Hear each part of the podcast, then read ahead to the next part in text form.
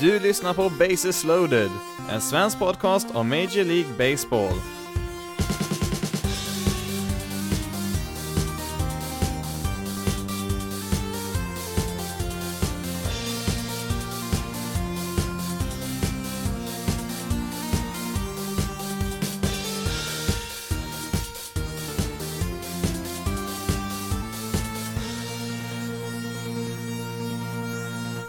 Hej och välkommen till Bases loaded, en svensk podcast om Major League Baseball. Detta är den andra och sista delen av årets säsongsavslutning här i podcasten där vi summerar alla lagens säsong 2019. I detta sista avsnitt för säsongen har vi nio lag kvar att titta närmare på här och ja, det är väl ingen idé att dra ut på det längre än vi redan har gjort här utan kör igång direkt här med några lag som har spelat oväntat bra i år. Greinke drives one deep to center field. Gone! Zach Greinke, there it goes! A three-run homer. Greinke bidding for one more. It's gone! Zach Greinke, a multi-home run game.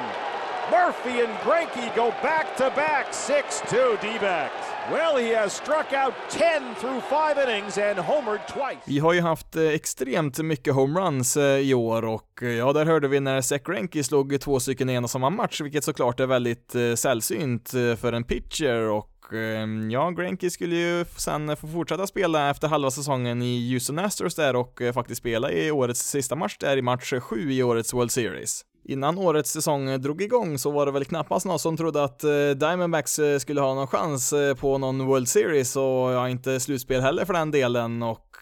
ja, det såg väl ut som att man började med en rebuild här, ganska rejäl sådan under vintern här och ja, man blev ju av med både Patrick Corbin och A.J. Pollock som free agents och sen så tradade man ju bort Paul Goldschmidt till Cardinals också. Trots att man då förlorar tre av sina bästa spelare innan säsongen så lyckas man ändå vinna 85 matcher, att jämföra då med 82 som man vann 2018 när alla de här tre fanns med på deras roster. Det var ju inte alls sådär jättemånga år sedan som Diamondbacks front office ansågs vara kanske ligans sämsta där, som inte hängt med alls i utvecklingen, men eh, de senaste åren där så har man ju styrts av Mike Hazen där som general manager och han har ju lyckats tvärta bort den stämpeln ganska rejält nu och han har gjort en hel del eh, riktigt smarta drag här nu de senaste åren. När man blev av med de där tre spelarna som jag nämnde så fick man ju också då lite draftval i kompensation där för alla tre och eh, kombinerat med att man redan hade en hel del extra draftval där i årets draft då, så kunde man fylla ut sitt eh, farmsystem ganska rejält här under sommaren. De saknar väl kanske de där eh, jätteduktiga prospekten där som ligger högt upp på topplistorna men de har ju en väldigt bred grund att bygga ifrån här nu i och med årets draft där så att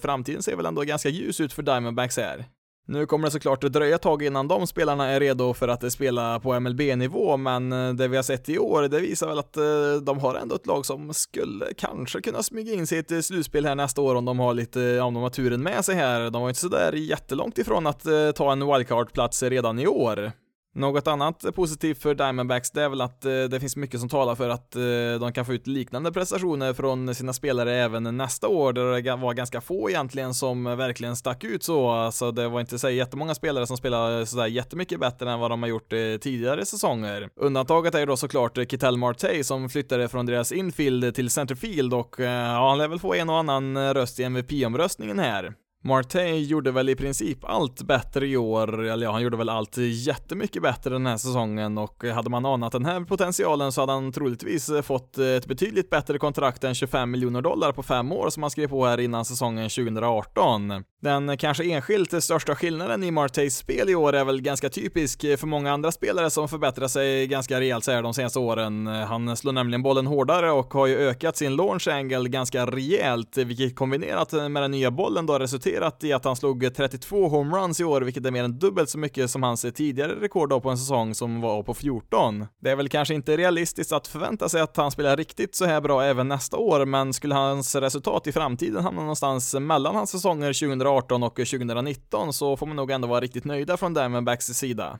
Det var ju inte bara Corbin, eh, Pollock och Goldschmidt som försvann här under året, utan även Zach Greinke tradades ju bort här under sommaren och eh, ja, trots att man då inte har varken Greinke eller Corbin då i sin rotation längre så har man väl ändå en, ja, en stabil rotation här inför nästa säsong. Inte så att den är något jättemärkvärdig så, men ja, det ser väl ändå okej okay ut där inför nästa säsong. Lite extra intressant eh, blir att eh, följa Zach Gallen i deras eh, starting rotation där. Han kom i en ganska ovanlig trade här under sommaren när Diamondbacks och Marlins gjorde en trade där med två prospects, alltså det gick ett prospect åt varje håll där och ofta så brukar det vara att det ena laget får lite mer etablerade veteraner i utbyte mot lite yngre spelare, men här då bytte man då som sagt prospect mot prospect, vilket är ganska ovanligt. Nu fick ju visserligen Gallen bara starta åtta matcher med Arizona, men hans ERA landade ju på under tre i de matcherna där, så att eh, han har ju en ganska lovande framtid där och det blir intressant också att se vilket prospect som kommer lyckas bäst för respektive lag. Den spelaren som gick åt andra hållet då till Miami var Jess Chisholm som är en shortstop som, ja, han var väl nog eh, Diamondbacks bästa prospect, i alla fall på topplistorna där, så att eh, ja, vi får se helt enkelt vem som vinner den här traden eller om, ja, kanske båda lagen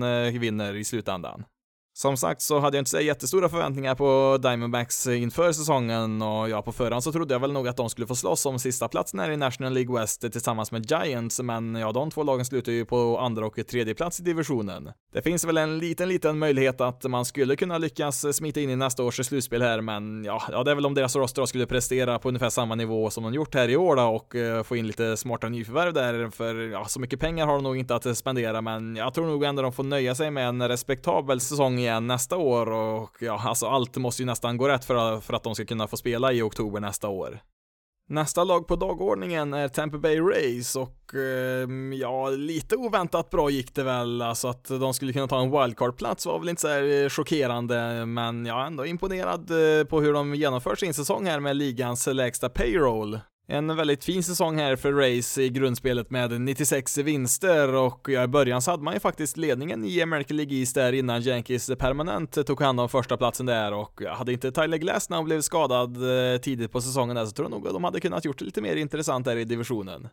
Tampa hamnar ju då 12 matcher före Red Sox i divisionen med en tredjedel utav lönekostnaderna som de hade och eh, ja, det är ett bra betyg för deras front office där som hela tiden måste hitta nya sätt att eh, konkurrera med lag från storstäder som New York, Boston och Toronto och eh, ja, det lyckas ju ganska ofta med det också. Det är väl därför kanske inte heller någon tillfällighet att Heim Bloom får ta över efter Dave Dombrowski i Red Sox där och och eh, ja, de har ju sett Bloom på ganska nära håll här nu under eh, ganska många år. Han har ju varit en av nyckelpersonerna där i Rays eh, framgångar och ja, nu kan man ju undra vad Heim Bloom kan uppnå när han har den budgeten som Red Sox har att tillgå och ja, vi kanske vet till viss del redan hur det kan se ut för att Andrew Friedman gjorde samma resa för fem år sedan då från Rays fast till Dodgers där han har byggt upp en gigant. Deras eh, pitching är ju helt klart eh, deras styrka där och eh, ja, trots sina begränsade tillgångar så har de faktiskt bland sina pitchers kunnat mäta sig med lag som Astros och Dodgers där med betydligt större budget. Sen så är det ju faktiskt så här också att eh, Rays har ju till skillnad från många andra lag eh, inte sett eh, deras brist på tillräckligt med kompetenta starting pitchers som ett hinder utan en möjlighet där. De har ju populariserat opener-strategin där, det gjorde de ju fullt ut ja, förra året där och har ju fortsatt med det i år, alltså att börja med matcherna med en relief pitcher som kastar en eller två innings och ja, det har ju funkat väldigt bra för dem så här långt. Opener-strategin är väl, ja, lite kontroversiell hos en del i alla fall som hellre vill se traditionella starting pitchers starta alla matcher där, men eh, när vi ser resultaten så är det svårt att argumentera emot det, i alla fall när Tampa Bay gör det, för att ja, en del andra lag har ju också gjort det, men inte riktigt med samma framgångar som eh, Tampa då, men de visar ju att det, det är fullt möjligt att spela på det här sättet också. Förutsatt att alla är friska så kommer de förhoppningsvis att ha fyra kompetenta starting pitchers här nästa opening day här i Tampa Bay. Charlie Morton, Blake Snell, Tyler Glasnow och även då Brandon McKay som fick debutera tidigare i år och ja, man kanske kan få in en femte där också till slut här under vintern och ja, det kanske gör att det blir lite färre matcher med openers för Tampa Bay nästa år. Något eh, lite negativt då med deras säsong i år, ehm, ja det är väl något jag redan nämnt här, deras budget, ehm, det är väl ingen som förväntar sig att de ska spendera lika mycket som lagen i New York eller Boston, eh, men ja, samtidigt så tycker jag att eh, det är helt rätt att bedöma det här laget som snålt. Visst, deras eh, front office förtjänar all beröm i världen då de producerar resultat med de medel de har här, men ja, istället så är det väl ägarskapet där som ska kritiseras. Eh, visst eh, ska de väl bedriva verksamheten med vinst där, men lite mer pengar tycker jag nog att de kan skaka fram. Om ett lag som Race kan nå slutspel med sin minimala payroll så lär det väl locka en del andra lag att också dra ner på sina löner, vilket vi till viss del har sett här under de senaste free agent-perioderna och jag skulle vara tvungen att välja vart jag helst ser MLBs inkomster hamna så tycker jag nog hellre hellre att jag ser att en större andel går till spelarna då istället för dollarmiljardärerna som äger lagen. Lägg där till sen den pinsamma sagan som kom ut här under året här med deras förslag om att dela laget med Montreal för att spela halva säsongen då i Montreal och halva säsongen i Tampa och alltså även om vi bortser från allt eh, hur det ska fungera praktiskt så är det ju nästan komiskt att förvänta sig att de ska få skattepengar till att bygga två arenor i olika städer när man inte ens lyckas göra det i en stad, eh, den staden man dessutom hör hemma i.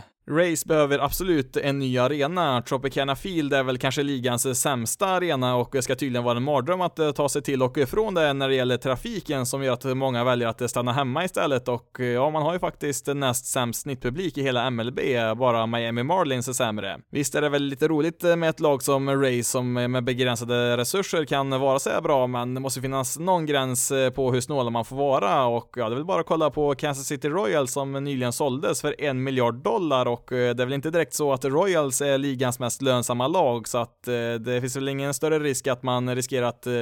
bli fattig på att äga ett MLB-lag även om man tvingas bygga en egen arena utan skattepengar. Nästa år så kommer de väl i princip ha kvar samma spelare som de hade i år och eh, ja, de har absolut chansen att förbättra sig nästa år när de får ett år till med rutin här. De har ju likt Padres väldigt många unga lovande spelare på väg upp i deras system där, men det dröjer väl ett tag innan en del är redo. Wander Franco rankas väl nästan av alla som MLBs bästa prospect just nu, men han är väl fortfarande lite väl ung där. Det finns väl en minimal chans att han kanske får lite speltid nästa år i MLB, men vi får nog vänta med honom till 2021 i alla fall. I nuläget så behöver man väl lite mera spets bland sina position players här. De har ju visserligen fått då ett år till med erfarenhet där, så att eh, det kanske är någon som kan ta ett eh, ganska stort kliv framåt nästa år där, men ja, man saknar ju någon riktig vass eh, position player som sagt där, eller ja, man har väl någon enstaka där, men man behöver ju mer offensiv kraft där för att man ska på allvar kunna hota Yankees här i divisionen. Förra året så gjorde man ju en riktigt vass värvning här i Free Agency när man värvade in Charlie Morton där och förhoppningsvis kan de väl öppna plånboken igen här då för någon hyfsad spelare i alla fall här i vinter. Men med det sagt så kan vi nog räkna bort dem i budgivningen när det gäller Garrett Cole och Anthony Rendone.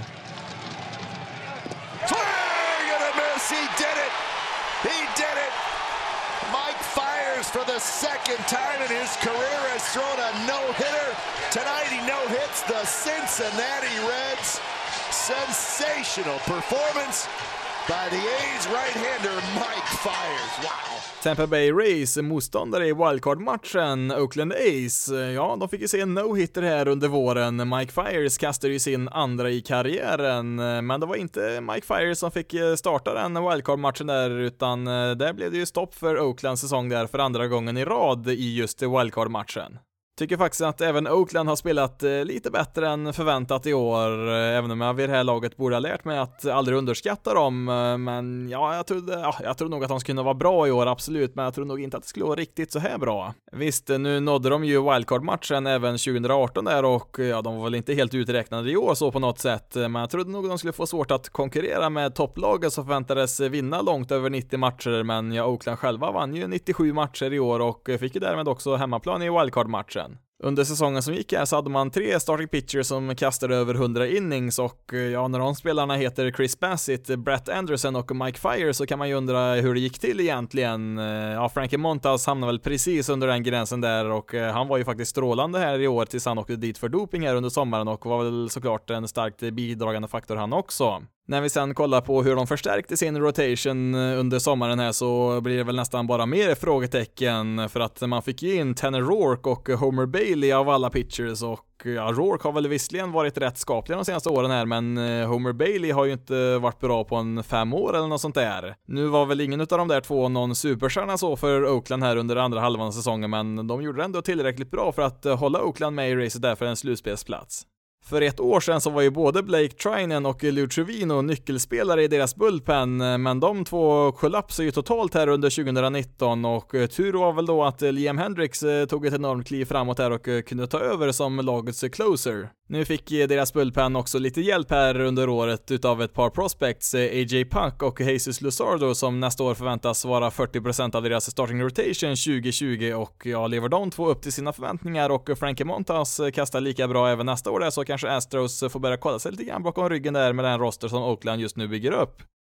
Marcus Simeon var ju redan en väldigt bra defensiv shortstop, men i år så har han också gått framåt väldigt mycket offensivt och eh, han var nog kanske den bästa spelaren i hela American League eh, förutom Alex Bregman och Mike Trout och eh, ja, det är faktiskt just de tre som är de tre finalisterna i MVP-omröstningen i American League. Matt Chapman och Matt Olson är ju fortsatt väldigt bra på varsitt hörn där på deras infield och ja, Mark Hanna kommer ju lite grann från ingenstans i år där, kan ju spela lite överallt på deras outfield och mm, ja, även deras eh, catcher Sean Murphy, väldigt lovande där, fick ju komma upp och spela lite grann i år och eh, såg ju bra ut eh, det lilla han fick spela och ja, jag gillar verkligen vad Oakland har på gång här och ja, man har ju stora delar utav sin roster där under kontroll i många år till. Undantaget är Marcus Semien som bara har ett år kvar innan han får testa på Free Agency och eh, riskerar nog att bli lite för dyr för Oakland. Eh, de brukar inte direkt eh, ge ut såna här stora kontrakt i första taget är, men ja, Chris Davis var väl en av de som fick en ganska sällsynt förlängning där i Oakland, i alla fall när det gäller de här lite större summorna. Nu var det väl i och för sig bara två extra år han fick på sitt kontrakt här som han skrev på i våras där, men att betala nästan 17 miljoner per år på en enda spelare är ju inte direkt eh, Oaklands grej traditionellt sett. Samme Davis bröt ju sin eh, magiska svit där med ett betting average på 2,47 som han på något sätt lyckas göra fyra säsonger i rad.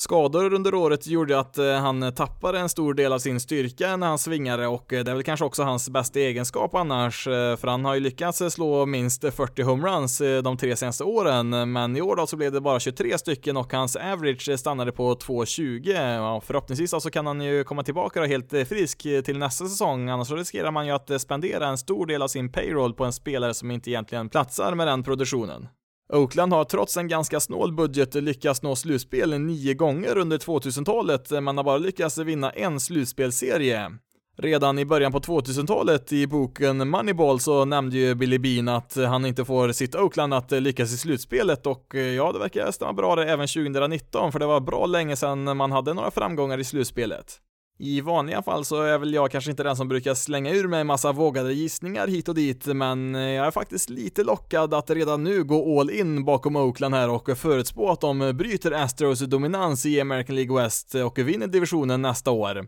Tror jag att det är möjligt? Eh, ja, det är det väl, eh, men är det troligt? Mm, ja, det kan jag väl nog inte direkt med gott samvete säga.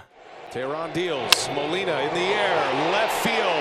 Duvall's got a great arm, but that is deep. Wong ready to run. He tags. Here he comes. Duvall's throw, no chance. And the Cardinals have won game four. When the Cardinals need a moment,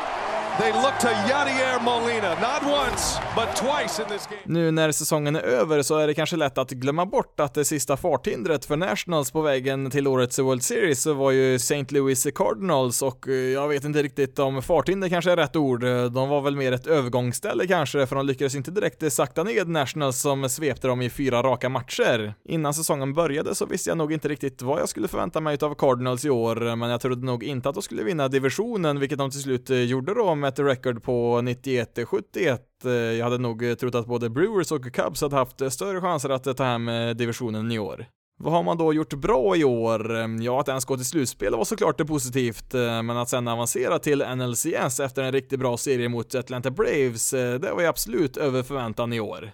Mikey Schilt tog ju över som manager i år och eh, han fick ju det här laget att eh, prestera betydligt eh, bättre än förväntat. I spring training så pratade ju en hel del om att detta skulle bli Jack Flahertys år, vilket det till slut, ja det blev väl det till viss del i alla fall. Första halvan på säsongen var ju hans ERA på 4,6, alltså strax över snittet bland pitchers i MLB, men under andra halvan så var hans ERA 0,91 och såg ju stundtals riktigt dominant ut. Faktum är att Cardinals ERA bland sina starting pitchers var faktiskt femte bäst i hela MLB och ja, det är ju inte bara Flahertys förtjänst. Dakota Hudson, eh, som inte startat en enda MLB-match innan denna säsong, var en riktigt positiv överraskning och sen har vi ju veteranen Adam Wainwright eh, som eh, kanske inte var någon superpitcher i år, men med tanke på att en del i springtraining trodde att han inte ens skulle få en plats i deras rotation så fick man ju betydligt mer där än vad man trodde och ja, hans 174 innings är mer än vad han har kastat under 2017 och 2018 sammanlagt. Jag kommer ihåg vid trade deadlinen att jag sa att, eh, att jag var väldigt kritisk till att man inte förstärkte sin rotation, eh, men ja, i efterhand här så är det väl kanske ganska tur att jag inte är general manager i St. Louis, eh, för deras tålamod lönar sig här i slutändan. Vad har man då gjort eh, lite mindre bra? Mm, ja, alltså traden för Paul Goldschmidt eh, ser väl inte så jättebra ut efter år ett då, men mm, ja, alltså man tradar ju bort eh, spelare som faktiskt var redo att spela på MLB-nivå redan nu och ja, de spelarna gjorde ju rätt bra ifrån sig i Diamondback som man tradar de spelarna till där och mm, ja, det är väl tur kanske då att man skriver på ett kontrakt här innan säsongen med Goldschmidt där, för annars hade han varit free agent nu. Med andra ord så finns det en del tid kvar för Goldschmidt att visa att han var värd investeringen och alltså nej, han spelar ju inte dåligt på något sätt i år. Han var väl rätt okej, okay, men man betalar inte 130 miljoner för en helt okej okay spelare. Goldschmidt måste ju prestera bättre och ja, det här var nog faktiskt hans sämsta säsong sedan han var rookie. Colton Wong och eh, Paul DeJoung är ju ett bra defensivt middle infield som kan producera rätt okej okay offensiva siffror, men eh, det är lite för mycket spelare där beskrivningen okej okay passar in i Cardinals just nu. Rent eh, generellt så har man väl eh, lite brister offensivt i det här laget. Eh, man fick visserligen upp Tommy Edman där som, ja, han kom väl egentligen från ingenstans här mitt i säsongen och var ju en positiv injektion där och hade ju rätt bra tryck i slagträet där och ja, enligt Fangraph så rankar ju de honom som Cardinals 20 bästa prospect så vi får väl se om det bara var en tillfällighet eller om Edman faktiskt kommer bli en ordinarie spelare i Cardinals lineup även nästa år. Om vi blickar mot nästa säsong så, mm, ja, den enda noterbara spelaren som blir free agent, det är väl Marcelo Zuna som, ja, han är väl även, han är en av de där okej okay spelarna, mm, ja, han är väl lite bättre än okej, okay, men han har inte varit någon så här märkvärdig sedan han kom till Cardinals då från eh, Marlins eh, för ett par år sedan. Adam Wainwright är ju också free agent, eh, men vi kan väl säga så här att om både han och Cardinals vill se honom i St. Louis fortsättningsvis här nästa år så tror jag nog inte det kommer vara något större problem att hitta en lösning där. Som sagt, eh, Cardinals spelar bättre i år än vad jag hade trott, eh, men när jag kollar på deras roster så känns det som att de är väldigt eh, sårbara. Visst, nu vann man ju divisionen i år, men ja, så skulle någon av deras divisionskonkurrenter där vinna liksom långt över 90 matcher så tror jag det blir väldigt svårt för dem att hänga med i det tempot. I och med att så få spelare är free agents här nu så ligger deras lönekostnader kvar på ungefär samma nivå även nästa år, så det finns väl kanske inte så jättemycket pengar att spendera bland free agents här i vinter. Anthony Rendon hade väl varit en drömvärvning för Cardinals, men eh, jag vet nog inte riktigt om man eh, kommer att vara villig att eh, betala den summa som krävs för att få honom dit. Jag vill också ta med ett femte, kanske lite mer oväntat lag här bland de lagen som gjorde lite bättre ifrån sig än vad åtminstone jag hade förväntat mig. Texas Rangers record på 78-84 är väl kanske inget att skryta med, men jag hade nog trott att de skulle vara inblandade i kampen om sista platsen här i divisionen tillsammans med Mariners i American League West. Innan säsongen eh, började så var jag ganska fascinerad av eh, deras eh, rotation som de ställde upp med där till en början och ja, för en fem år sedan så hade det varit en väldigt, väldigt bra rotation ändå, men ja, bäst före-datumet på Edison Volkes, Drew Smiley och Shelby Miller har väl gått ut för ett ganska bra tag sedan. Kvar från opening day fanns då bara Lance Lynn och Mike Miner som, eh, ja, de är väl en okej okay duo så tyckte jag väl på förhand. Eh, ja, det är väl kanske inte riktigt rättvist mot eh, Lance Lynn där som med undantag med förra året varit ganska bra de senaste åren, men Mike Miner har väl egentligen bara haft en bra säsong tidigare i sin karriär. Men vi fick faktiskt se de här två spela på All-star-nivå i år och eh, ja, när det gäller wins above replacement för pitchers är väl det kanske inte riktigt lika pålitligt som det är för position players, men eh, det faktum att Lance Lynn var topp tre i den kategorin hos både Fangraphs och Baseball Reference är ju en hel del och eh, ja, hos Baseball Reference var faktiskt Mike Miner på andra platsen i just den kategorin. Som sagt, eh, wins above replacement för pitchers ska man väl kanske inte lita på allt för mycket, men ja, den här duon som jag tyckte var rätt okej okay, var ju faktiskt riktigt bra i år och kanske den enskilt eh, största anledningen till att Rangers överpresterar resultatmässigt i år.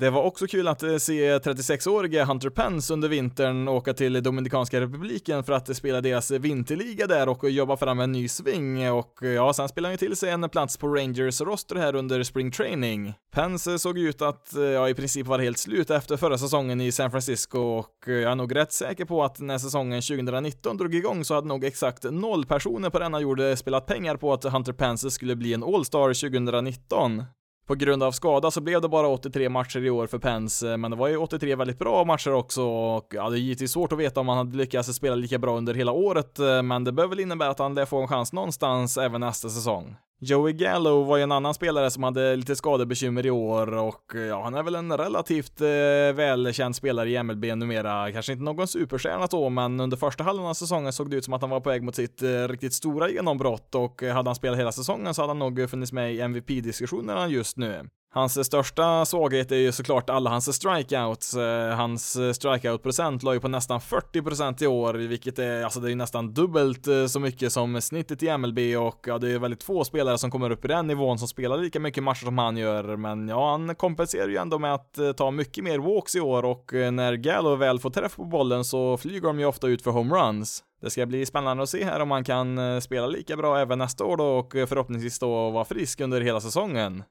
Om vi istället vänder oss mot det lite mer negativa så, mm, ja alltså nästa våg här med lite yngre Rangers-spelare som skulle vara kärnan för nästa bra lag här har ju stått still, eller ja, de har väl nästan till och med gått bakåt i sin utveckling här på sistone. Nomar Masaras genombrott har ju inte kommit här på fyra år i hans karriär och eh, Rugned Odor har ju varit eh, lite väl ojämn i sin karriär och ja, i år var han ju inte alls bra och ja, Deliner the Shields har ju hunnit fylla 27 här och eh, han har väl bara en bra säsong bakom sig och ja, Willie Calhoun har ju fått eh, dela sin eh, speltid mellan AAA och MLB de senaste tre åren. Nu kan det ju såklart vända för de här spelarna i framtiden och ja, det finns väl lite små intressanta namn även bland deras prospects, men eh, de senaste åren här så har de haft ganska svårt att få sina yngre förmågor där att ta det sista steget upp i MLB och ja, de måste helt enkelt bli bättre på att fostra sina egna spelare i sitt eget farmsystem där för att ja, det har sett ganska, ja, det har varit ganska svagt bland deras prospects på senare tid som sagt. Jimenez in the air, left field. He's your hero tonight. Welcome to Wrigley. He cracked the bat on that swing and still drove it out of the park. The bat shattered in his hands. Eloy's going to be around for a lot of these games, and for him, not many bigger than his first one. Det finns ju en hel del lag som just nu befinner sig i en rebuild och eh, många av dem tog upp eh, för ett par veckor sedan när jag gick igenom säsongen för ligans eh, tio sämsta lag i år och ja, vi har ju ett par lag här som inte riktigt kom med senast då, där de vann lite fler matcher än de där absolut sämsta lagen, men ja, det är ju två lag här som jag tänkte ta upp som förhoppningsvis är nära slutet på sin rebuild och förhoppningsvis kunde visa lite framsteg här i år. Eloy Jimenez hörde du i ljudklippet där när han slog en homerun på Wrigley Field där mot Cubs. Han tradades ju därifrån till Chicago White Sox eh, för ett par år sedan här och eh, ja, detta White Sox då har ju byggt om sitt lag här under några år och eh, ja, deras record på 72-89 är väl kanske så här jätteimponerande i ett ganska svagt American League Central i år. För ett år sedan så nämndes det flera gånger att eh, White Sox kanske äntligen skulle kliva fram här och börja spendera massa pengar i Free Agency, men eh, ja, det blev ju inte riktigt så. Man erbjöd i och för sig Manny Machado vad som skulle vara det överlägset största kontraktet i lagets historia, men ja, det blev ju ingen Machado som istället skrev på för Padres och ja, i slutändan så blev det ju ingen stor värvning alls här inför årets säsong. Både Chris Sale och Adam Eaton har ju vunnit en World Series eh, sedan de lämnade för några år sedan. Och ja, en del av de prospects som kom i utbyte där för de spelarna har ju börjat dyka upp här i MLB och ja, en av dem, Lucas Giolito, hade ju en riktig mardrömsdebut eh, förra året där. Och han var väl kanske den sämsta starting pitchen som fick spela regelbundet eh, 2018, men i år så var han helt plötsligt en All-star. En annan spelare man fick i utbyte där, Johan Moncada, har väl haft lite samma resa som Giolito är, fast han ligger något år före där. Hans första tid i MLB var väl inte riktigt vad man hade förväntat sig, men i år så fick han ihop en säsong som var på gränsfall till All-star-värdig. Moncada striker ju fortfarande ut väldigt mycket, men har blivit bättre på det och framförallt höjt sitt batting average från 2,30 i sina första två år till, ja, till över 300 i år och ja, till viss del kan det förklaras med hans BABIP som ligger över 400 i år, vilket inte är hållbart i längden, men det finns helt helt klart anledning att eh, vara optimistisk eh, för hans framtid. På topplistan över spelare som hade högst eh, batting average i år så hittar vi där uppe i toppen eh, två MVP-kandidater som Christian Jelic och Anthony Rendon och eh, ja, även DJ LeMayu och Ketel Marte för den delen finns med där uppe i toppen. Men allra bäst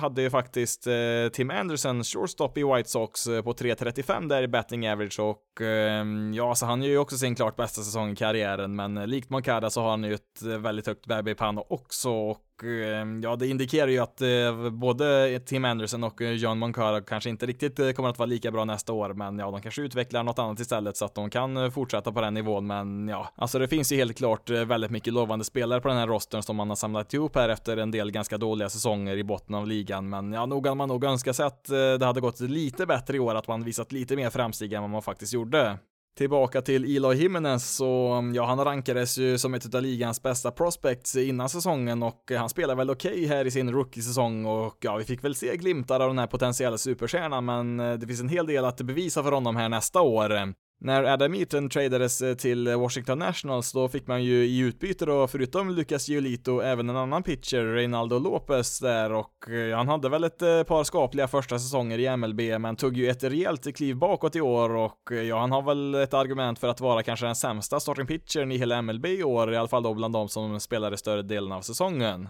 Ett annat intressant pitching prospect eh, fick göra sin debut i år för White Sox, eh, Dylan Cease, eh, som fick kasta 73 innings i sin rookie-säsong och ja, likt Elo Jimenez så såg vi väl glimtar av den potentiella pitchen som finns där, men han slutförde ju säsongen med en ERA på 5,7. Nästa år så kommer ju även Michael Kopek tillbaka till deras rotation. Han fick ju debutera sent eh, på förra säsongen, men eh, ganska snabbt där fick han eh, genomföra en Tommy John-operation, så han missar ju hela den här säsongen och ehm, ja, ska White Sox rebuild lyckas så behöver nog två utav de här tre lyckas rätt bra, alltså utav Giolito, Cease och Kopek där, alltså två utav de tre behöver nog vara ganska stabila där i deras rotation och ja, helst mer än stabila också för att man verkligen ska få fart framåt här de närmaste åren. Det har ju med andra ord varit en del eh, spelare som fått debutera i år, men det finns eh, fortfarande ett par riktigt bra prospects till här på ingång nästa år. Eh, Louis Robert har ju stormat igenom deras farmsystem och han kanske var den bästa minor League-spelaren överhuvudtaget i MLB 2019 och Nick Madrigal som nästan aldrig strikar ut var ju även han långt upp i deras farmsystem 2019 här och Ehm, ja, båda de här två skulle nog egentligen ha fått speltid där i september, men eh, White Sox är väl ett av de lagen som är mest extrema när det gäller att utnyttja spelarnas service time och eh, jag skulle nog inte bli speciellt överraskad om en eller till och med båda är uppe på deras MLB-roster inom en månad efter att säsongen 2020 startar. Det finns fortfarande en hel del talang som inte riktigt blommat ut eller kommit upp på högsta nivå än, men det börjar bli dags nu att visa att man verkligen är på rätt väg och ja, med rätt investeringar i vinter så kan det nog störa en del lag nästa år, men då måste man ju börja öppna plånboken för de kan ju inte hoppas på att endast deras orutinerade prospect ska lyfta laget själva och ja, att ha en payroll på under 100 miljoner dollar är väl nästan pinsamt i en så stor stad som Chicago. Man behöver väl inte gå så här långt in i ett slutspel säsongen 2020 för att eh, det ska vara en framgång, men de behöver nog ändå kunna nå ett eh, record på 500, alltså 81 vinster tycker jag nog att man behöver visa att man kan vinna för att, eh, ja, det har man ju inte haft sedan säsongen 2012 och ja, det börjar bli dags nu för White Sox att verkligen visa att deras rebuild på allvar är över nu. Oh,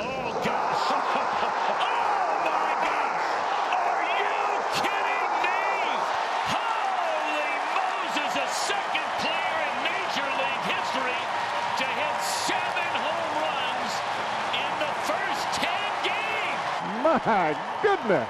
Aristides Aquino. Three at bats, three home runs and that one got way out of here. Ett lag som har varit ännu mer hopplöst än White Sox de senaste åren, det är Cincinnati Reds eh, som innan årets säsong förlorat över 90 matcher fyra år i rad och eh, ja, i år blev det inte riktigt så många förluster men 75-87 är väl ändå under förväntan för Reds i år. På förhand sågs väl Reds eh, som ett 500-lag, alltså ett lag som borde kunna nå ett jämnt record med lika många vinster som förluster, alltså någonstans kring 81-81. Och om saker och ting eh, studsade deras väg här under året så fanns det väl en liten chans till slutspel. De senaste åren så har ju framförallt deras pitching varit en stor svaghet, eh, men man såg till att förstärka den delen ganska rejält inför säsongen och ja, en klar förbättring i deras rotation var ju det man trodde framförallt skulle bli nyckeln till framgång, för deras offensiv fungerar ju rätt bra 2018. он. Sunny Gray och Tanner Rourke var ju båda betydligt bättre än förväntat i deras rotation och ja, fyra av deras starting pitchers hade ju en ERA långt under snittet i MLB, men tyvärr så var det en total avsaknad av offensiv helt plötsligt i år. Reds pitching kunde ju hänga med i stort sett vilket lag som helst i år och hade man haft en kompetent offensiv i år så hade ju Reds kanske på lite liknande sätt som Nationals haft en teoretisk chans att rubba Los Angeles Dodgers i ett slutspel. Ja, nu är inte Reds på något sätt lika bra som Nationals, det säger jag absolut inte, men ja, deras eh, starting rotation som sagt, eh, den var ju urstarkt, eh, ungefär på samma nivå då som Nationals. Eh, sen hade väl Nationals lite mer rutinerade spelare där, jag vet inte riktigt om Reds pitchers hade hållit för trycket i ett slutspel, men ja, som sagt, det var ju väldigt synd att det blev så här för Reds i år. Deras tredje basman, Eugenio Suarez, var väl kanske den enda riktigt bra spelaren man hade offensivt och ja, det var väl ett namn som kanske inte så jättemånga kände till innan årets säsong, men hans 49 homeruns var det bara Pete Alonso som kunde toppa i hela MLB.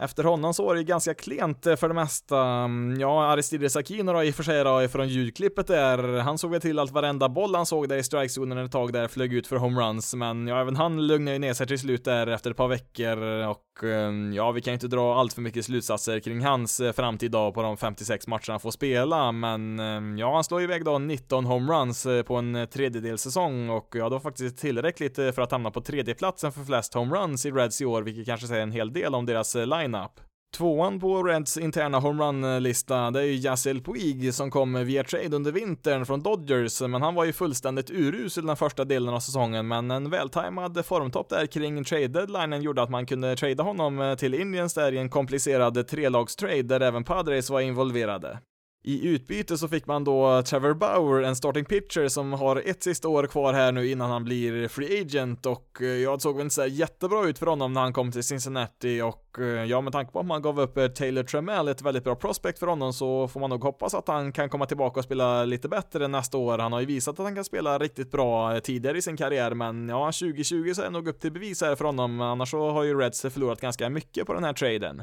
I sin helhet så var det ett fantastiskt år för Reds pitching, men en total katastrof då för deras position players och kanske allra mest tragiskt är väl Joey Vottos stora fall. Votto har ju varit en av väldigt få positiva saker för Reds under deras rebuild eh, och ja, nästan varenda säsong i hans karriär så har han ju avslutat med en on-base percentage över 400 och har ju ofta varit en utav, om inte den bästa spelaren i den kategorin i hela MLB. Redan förra året så hade han väl en eh, lite sämre säsong, men ja, hans on-base percentage var ju fortfarande över 400. Det var ju främst hans styrka som försvann förra året där och ja, förutom förlusten av en del styrka då så har han även i år då tappat en del eh, förmåga att dra walks och eh, tidigare så har han varit en av ligans bästa på det, men ja, eftersom han tappade en del där så har han ganska mediokra siffror här för första gången i sin karriär. Votto har ju fyllt 36 nu, så det kanske inte är så jättekonstigt att han har tappat en del styrka, men eh, då behöver han ju få tillbaka sin mästliga känsla för strikezonen som han har visat tidigare, för att annars så kommer han inte att vara en speciellt användbar spelare på planen här för Reds. Det sägs att Reds tänker spendera en hel del pengar på free agents i vinter här och ja, med tanke på vad Reds-fansen har fått stått ut med de senaste åren så förtjänar de verkligen att eh, få ett slagkraftigt lag här på planen 2020.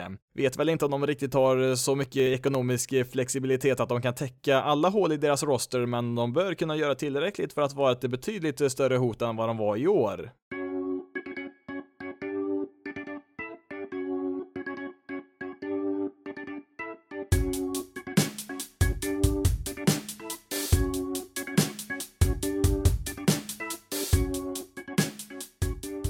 2019 var också året eh, då den mer ungdomliga sidan av MLB klev fram och eh, ja, vi såg ganska många yngre spelare etablera sig bland eh, ligans bästa spelare i år. En anledning till föryngringen av all talang i ligan kan säkert spåras till de allt mer avancerade utvecklingsmetoderna som lagen numera använder i deras farmsystem, men också att det är betydligt mer kostnadseffektivt att satsa på yngre spelare som spelar med väldigt billiga rookie-kontrakt istället för etablerade veteraner som tjänar minst 10 eller 20 gånger så mycket för ungefär likvärdig produktion. En svag free agent-marknad de senaste åren gjorde att vi dels fick se en hel del veteraner förlänga i förtid innan de blev free agents i vinter där och även en hel del yngre spelare skrev kontraktsförlängningar väldigt tidigt i sin karriär för att säkra sin framtid ekonomiskt även om de kanske hade tjänat på att vänta tills de eh, en dag själva blev free agents. Innan årets opening day eller strax därefter så såg vi en hel drös av spelare förlänga sina kontrakt. Nolan Arenado, Brandon Lau, Blake Snell, Mike Trout, Alex Bregman, Justin Verlander, Eloy Jimenez, Paul Goldschmidt, Chris Sale, Sander Bogarts,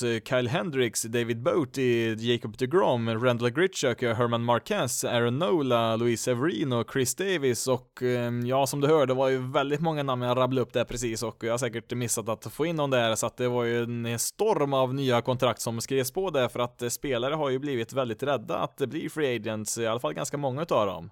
Ett lag som har kombinerat ung talang på sin roster med kontraktsförlängningar under våren, det är ju Atlanta Braves som skrev på kontrakt med eh, två unga spelare här, Ronald Cunha och Ossi Albis innan säsongen började och ja, båda de här kontrakten ansågs väl vara ett eh, ganska stort fynd för Braves. Ehm, framförallt Ossi Albis kontrakt var det stora reaktioner på när han skrev på för att eh, ja, han fick väl i snitt där bara 5 miljoner dollar per år i sju år plus ett par väldigt billiga klubboptioner på det. Efter att Braves drygt två månader in på säsongen passerade Phillies i National League East så var man väl aldrig direkt hotad i toppen av divisionen och man avslutade ju med ett record på 97-65, näst bäst record i hela National League. Många pratar om Nationals riktigt bra resultat efter sin tröga start på säsongen, men ja, Braves gick väl nästan lika bra de under samma period där och de tillät väl aldrig Nationals att eh, komma nära. Enda anledningen till att Nationals endast var fyra matcher bakom när säsongen var över, det var ju för att eh, Braves lättade lite grann på gasen där när man säkrat divisionstiteln i september, så att eh, tabellen blev väl lite missvisande när den summerades efter säsongen. Trots det så var det ändå en besvikelse för Braves 2019. Förra året så tog man ju sig till slutspelet kanske ett år tidigare tidigare än planerat eh, och eh, det var väl bara en bonus då att eh, ens vara där, för man åkte ju ut där i första omgången mot Dodgers. Den här säsongen så var väl då kanske tanken att man skulle försöka få revansch mot Dodgers i årets Championship Series, men som bekant så tog ju sig inget av de här två lagen dit.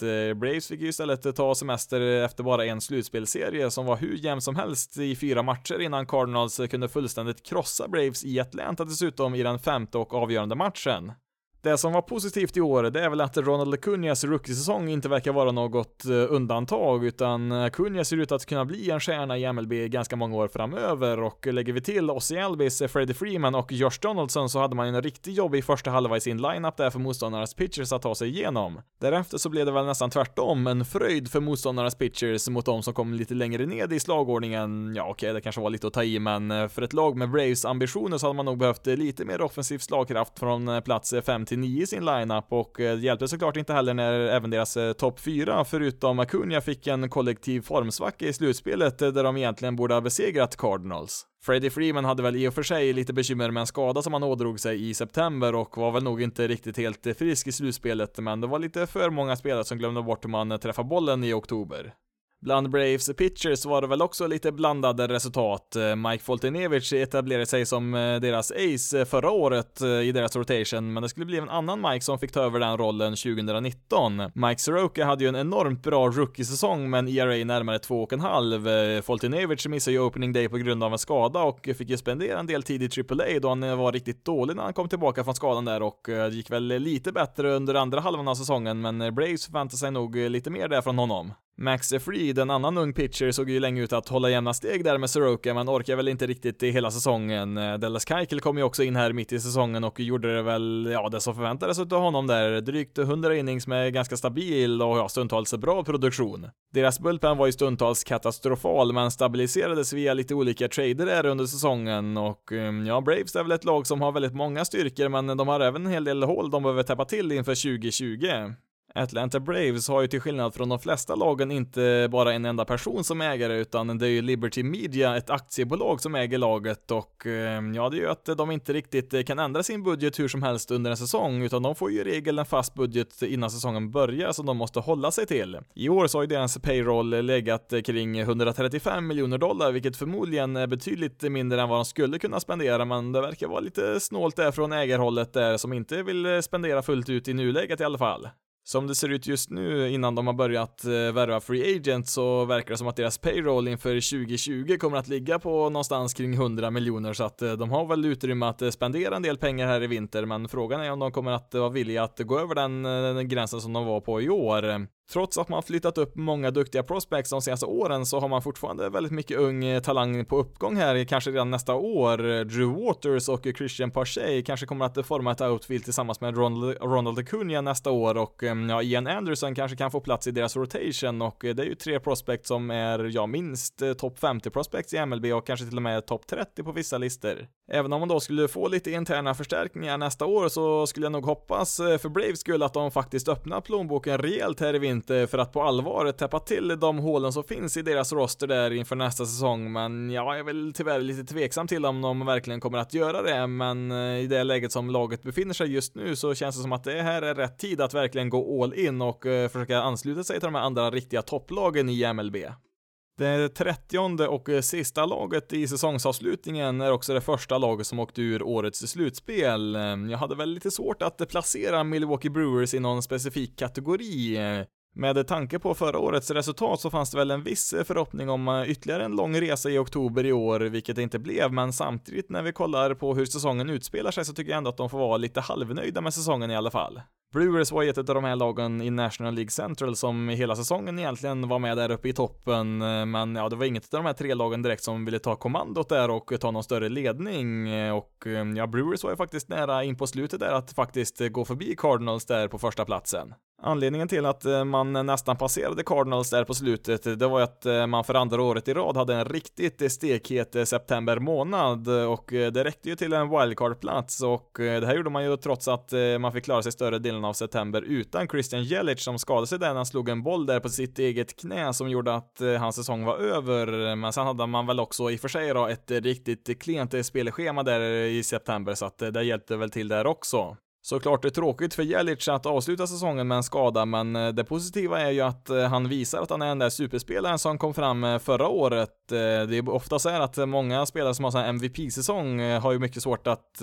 upprepa det året efter, men nu har ju Jelic spelat på den här nivån två år i rad, så att det ser väldigt bra ut för hans framtid här i Brewers. Något annat positivt, det var ju deras andra basman, Kestin Hera, som gjorde omgående succé här som rookie. Han var väl ingen jättebra försvarare så, men han lär ju vara ett stort hot i Brewers Brewers lineup här i många år framöver. Något som inte såg så bra ut, eh, det är väl eh, deras starting pitcher som hade en ganska tuff säsong, eh, i alla fall en del utav dem. Något som inte såg så bra ut är väl då deras starting pitcher som hade, hade det ganska tungt under året, i alla fall en del utav dem. Corbin Burns slog igenom med dunder och brak förra året i Brewers Bullpen och när Wade Miley och eh, Gio Gonzalez eh, försvann som free agent så skulle ju Burns fylla en av rollerna i deras rotation, eh, men det blev ju en katastrof där. Visst, han strike ut massa motståndare, men det räcker ju inte så långt när man tillåter en homerun ungefär varannan inning. Man märkte ju ganska snabbt att det här inte skulle fungera, i alla fall inte i år, för han fick bara fyra starter innan de skickade ner honom eh, till eh, AAA och då hade han en ERA över 10. Mm, sen hade vi även Jimmy Nelson som kom tillbaka efter en skada, han missade ju hela 2018 och eh, nu kan man väl kanske inte förvänta sig någon mirakel från honom här första året tillbaka där, men han lyckas ju inte speciellt bra alls han heller. Brandon Woodruff var väl undantaget här, han hade väl en ganska bra säsong, men som enhet så producerar ju Brewers starting pitchers alldeles för få innings. Bland alla slutspelslag så finns det bara tre stycken som finns med på topp 15-listan över flest bullpen-innings i år och på första platsen så hittar vi där Tampa Bay Rays, men det beror ju till stor del på att de eh, ofta spelar med en opener. Därefter så finns det bara två lag till, eh, Brewers och Yankees, som ligger på liknande siffror på plats 5 och 7 och eh, det är ju två lag som haft strul med sina starting rotations i år. Nästa slutspelslag hittar vi då först på plats nummer 17 där Oakland ligger och deras bullpen kastar ju nästan 100 färre innings i år jämfört med Brewers. Det är väl kanske tur då att Brewers och och eh, ja, även Yankees då för den delen är ett av de här få lagen som eh, har en bullpen som är ganska bra och ehm, ja, de klarar väl rätt hyfsat där i Milwaukee. Deras bullpen ERA placerar dem någonstans i mitten av ligan, men egentligen då om de inte hade haft så här mycket belastning så tror jag nog definitivt att deras bullpen hade presterat bättre än så här. Det är ju en sak att lägga sig på en hög belastning kanske sista veckorna på säsongen och i ett slutspel, men över en hel säsong så är det inte riktigt eh, hållbart. Till nästa år så får man ju då främst leta efter starting pitchers eh, som man kan fylla på med och eh, då får man nog främst leta utanför sin organisation för att man har inte direkt eh, något sån här lovande pitching prospect som är i närheten av att nå MLB. Samtidigt så har ju både Jasmine Grandal och eh, Mike Mustakas blivit free agents där så att man har ju luckor på catcher och eh, tredje bas eh, så att man kommer ju behöva fylla på med lite position players också. Och generellt sett så är väl Brewers farmsystem i sin helhet ganska tomt just nu med alla uppgraderingar som de har gjort de senaste två åren. Och man behöver väl göra vad de kan här de närmaste tre åren för det är så länge till man har Jelic under kontrakt. Så att ja, det är väl den tiden man har på sig att lyckas ta sig hela vägen. Det är nog mycket möjligt att de kan fortsätta vara slagkraftiga även nästa år, men det behövs ju lite förstärkningar som sagt och eh, eventuellt så kan de väl behöva få upp något prospect här, något okänt prospect eh, som kan komma upp där och överraska för att eh, ja, det är fortfarande en tuff division man spelar i för att Cubs och Cardinals lär väl inte vara så mycket sämre och ja, Reds lär väl satsa också och ja, Pirates vet jag inte riktigt vad de gör, men det kommer nog bli tufft i National League Central även nästa år.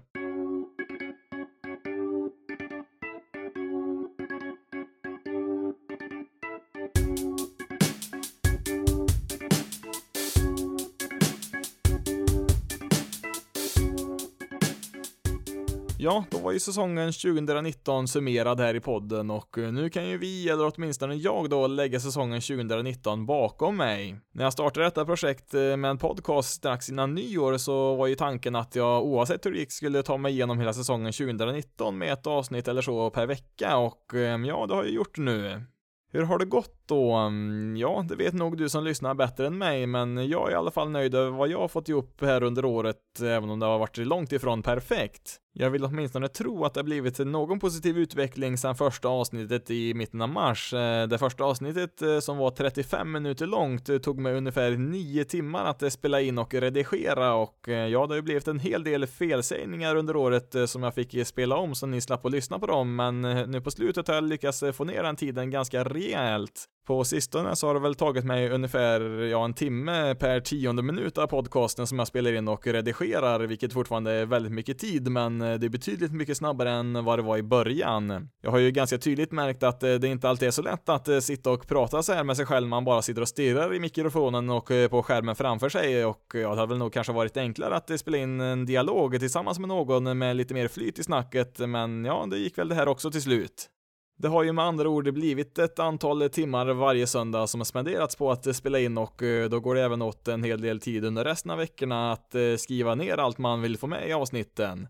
Det har varit eh, väldigt kul att spela in den här podcasten under året och ja, egentligen allting runt omkring har ju varit roligt tycker jag. Sen har det ju också varit en väldigt stor utmaning. Du har aldrig gjort något sånt här liknande förut och ja, det har inte alltid varit lätt, men just nu så känns det ju riktigt bra när jag lyckas ta det här i mål i och med detta avsnitt. Med det sagt så ser jag fram emot att eh, få ta lite ledigt nu ett tag. Eh, som jag nämnde i del 1 av säsongsavslutningen så lutar jag väl mot att eh, fortsätta även nästa år, men 2019 så blir det nog nästan garanterat inget mer poddavsnitt, även om man aldrig ska säga aldrig. Jag kommer säkert vara lite aktiv och göra lite inlägg på Facebook, Twitter och Instagram, men podcasten Basis Loaded får ta en liten paus nu i alla fall, så får vi se hur det ser ut igen när vi närmar oss Opening Day 2020. Jag är såklart jättetacksam för alla er som har funnits med och lyssnat under året, eh, vare sig ni har varit med från avsnitt 1 eller om det är första gången som du lyssnar på den här podden. MLB är väl knappast eh, den mest populära sportligan i Sverige, mm, eller ja, i Europa för den delen också, men det finns minsann en del fans här runt omkring i vårt avlånga land och eh, ja, enligt statistiken så finns det en del utav er även i andra delar av världen någonstans. Eh, en tydligen så är det en hel del som befinner sig i USA och sen har vi även en del i Norge, Storbritannien, Tyskland, Spanien och ja, även en del andra länder också såklart. Som sagt, stort tack för att ni har varit med och lyssnat på min röst under året och har ni några som helst kommentarer så kan kan du alltid skriva på de olika sociala medierna som finns kopplade till podden, eller lite mer privat så kan man då skriva ett mail också till basisloaded.se gmail.com. Du lägger alltså bara till bokstäverna S och E på slutet där så du får basisloaded.se som ett helt ord. Men nu har jag pratat tillräckligt för i år. Stort grattis till årets mästare Washington Nationals och återigen ett stort tack till alla lyssnare. Mitt namn är Jonathan Fabri. Tack så jättemycket för att du har varit med och lyssnat på Basis loaded i år. Ha det så bra där ute så hörs vi eventuellt nästa år.